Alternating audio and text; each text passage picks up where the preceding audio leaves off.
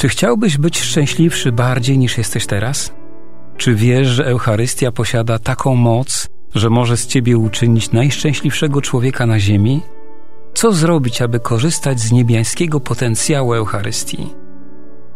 Na te pytania odpowiem w audycji Jak rozkochać się w Eucharystii. Ojciec Zbigniew Ptak.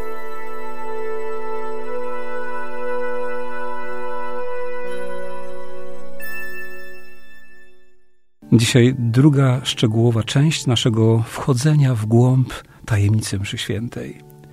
Kościół w swoim oficjalnym nauczaniu mówi, że moc czynności liturgicznych nie tkwi w częstym ich doświadczaniu, ani w odnawianiu, czy też w sprowadzaniu ich do prostych form. Moc ta zawarta jest w Słowie Bożym i w tajemnicy, jaka jest sprawowana, oraz w głębszym ich poznaniu. Właśnie to głębsze poznanie czynności liturgicznych jest dla nas pierwszoplanowe w ramach naszych rozważań. Zanim rozpoczniemy rozważania na temat Eucharystii, proponuję krótką modlitwę. Najświętsza ofiara jest wielką tajemnicą wiary.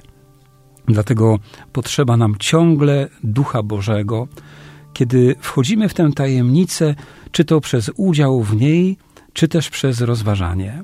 Módlmy się zatem.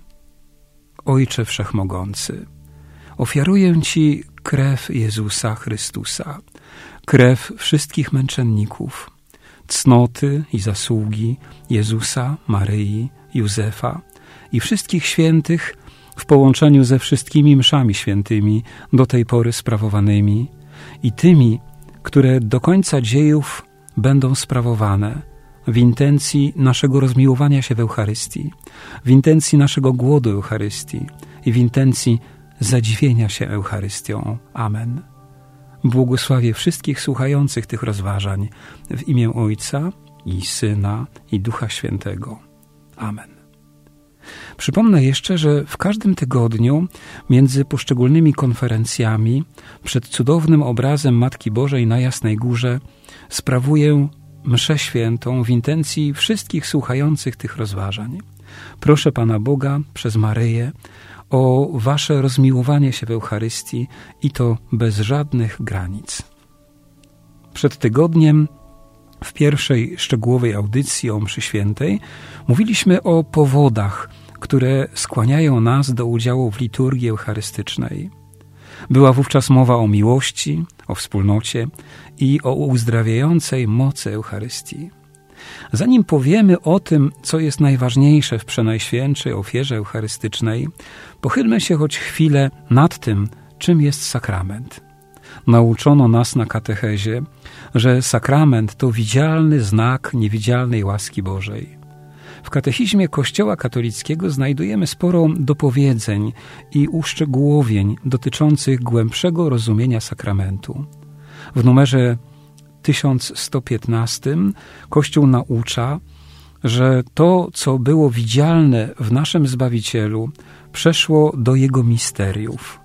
W numerze następnym, czyli 1116, czytamy, że sakramenty są mocami, które wychodzą z zawsze żywego i ożywiającego ciała Chrystusa oraz że sakramenty są arcydziełami Bożymi. Przywołajmy jeszcze jeden numer 1120. Mowa jest tam, że w sakramentach działa Chrystus przez Ducha Świętego dla Kościoła. I ostatnia myśl dotycząca tym razem celu sakramentów. W numerze 1123 Kościół nas naucza, że ich celem jest uświęcenie człowieka, budowanie mistycznego ciała Chrystusa, do powiedzmy, czyli Kościoła, a jeśli Kościoła, to także każdego z nas. Kolejnym celem sakramentów jest oddawanie kultu Boga. Poza tym sakramenty jako znaki mają także pouczać. One nie tylko zakładają wiarę, lecz za pomocą słów i rzeczy karmią ją, umacniają i wyrażają. Po przypomnieniu tego, co najważniejsze z nauczania naszego Kościoła o sakramentach w ogólności, przejdźmy teraz do samej Eucharystii. Nasza Matka Kościół uczy, że wszystkie kościelne posługi i dzieła apostolskie wiążą się z Eucharystią i ku niej zmierzają. Ona stanowi centrum życia Kościoła. Czym jest zatem ta święta i boska liturgia? Powiemy sobie teraz w kilkunastu punktach to, co najważniejsze we mszy świętej. Najpierw msza święta to dziękczynienie i uwielbienie Boga Ojca. Msza święta jest ofiarą uwielbienia kłuczy Kościół i dziękczynienia za dzieło stworzenia. W tej boskiej liturgii całe stworzenie, które jest umiłowane przez Boga, zostaje przedstawione Ojcu przez śmierć i zmartwychwstanie Chrystusa. Tym samym dokonuje się uwielbienie Boga Ojca. Punkt drugi. Msza święta jest ofiarą Chrystusa. Ona uobecnia, czyli czyni obecną ofiarę krzyża i udziela jej owoców.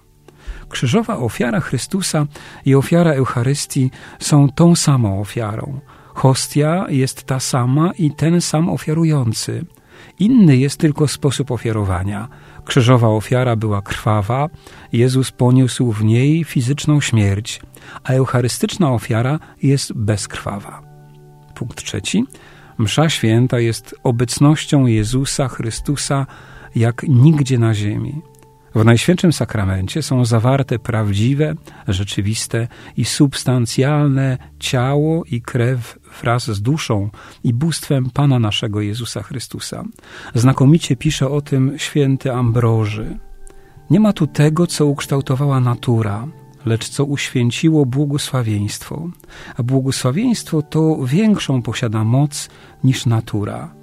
Czyż więc słowa Chrystusa, który mógł z niczego stworzyć coś, co nie istniało, nie są w stanie zmienić istniejących rzeczy na to, czym uprzednio one nie były? Nie jest więc bowiem czymś mniejszym stwarzać naturę rzeczy, aniżeli ją zmieniać. Punkt czwarty. Msza święta jest ofiarą składaną na ołtarzu, która jednoczy nas z mieszkańcami nieba.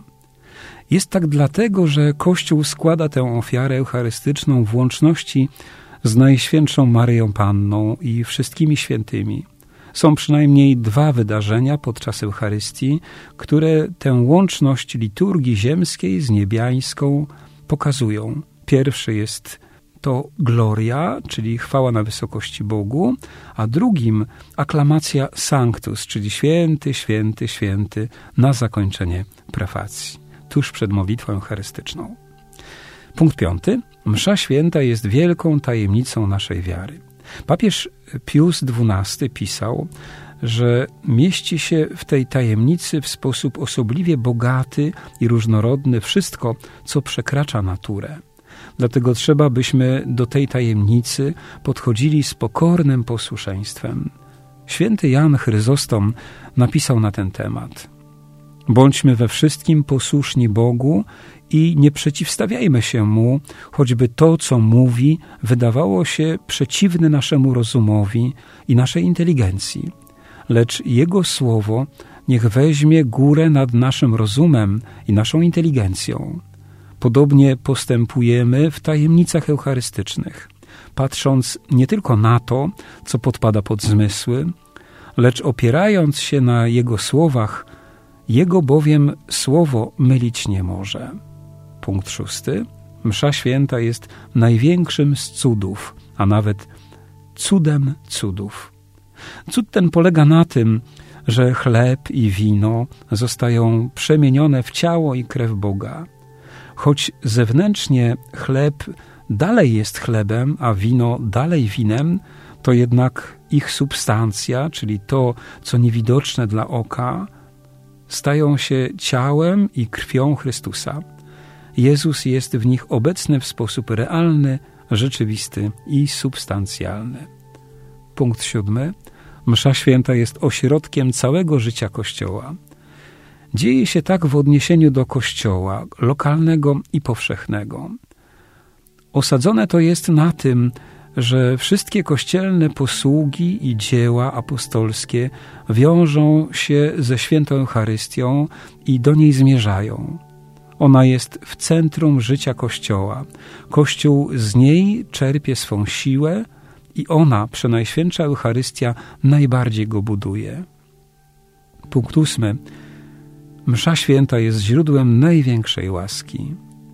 Nigdzie na ziemi człowiek nie ma możliwości otrzymania większych łask niż podczas świętowania pamiątki męki i zmartwychwstania Chrystusa. Wiąże się to oczywiście z wielkością dzieła, którego dokonał Jezus. To On przez swoją śmierć i zmartwychwstanie wysłużył nam największe dary Bożej łaski, które są dostępne dla uczestników celebry eucharystycznej. Łaski te są rozdawane proporcjonalnie do wiary i miłości, z jaką człowiek uczestniczy w liturgii. Punkt dziewiąty. Msza święta jest najdoskonalszą z modlitw, w jakich człowiek na ziemi ma możliwość uczestniczyć. Wielkość tej modlitwy polega na tym, że nie modlimy się w niej sami. Nie modlimy się tylko z uczestnikami tej konkretnej liturgii. Modlimy się wraz z całym Kościołem i to Kościołem tu na ziemi, pielgrzymującym do nieba.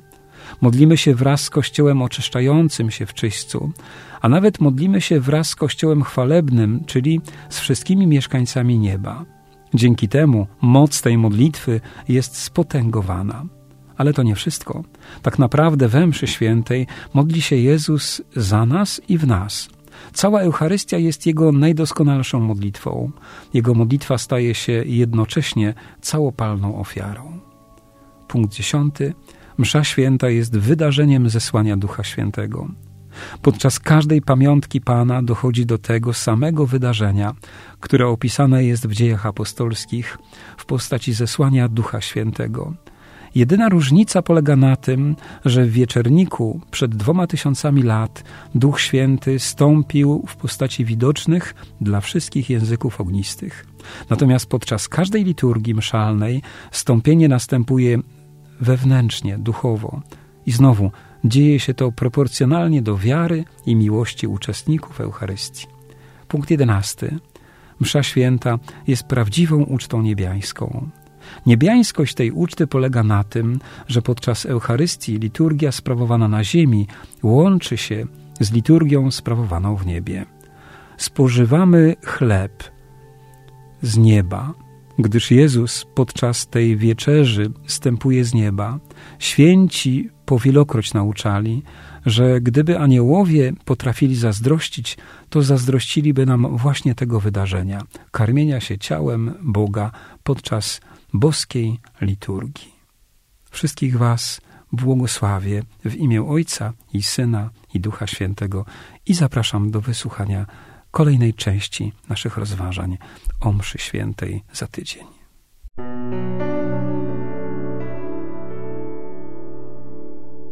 Czy chciałbyś być szczęśliwszy bardziej niż jesteś teraz? Czy wiesz, że Eucharystia posiada taką moc, że może z ciebie uczynić najszczęśliwszego człowieka na ziemi? Co zrobić, aby korzystać z niebiańskiego potencjału Eucharystii? Na te pytania odpowiem w audycji Jak rozkochać się w Eucharystii. Ojciec Zbigniew Ptak.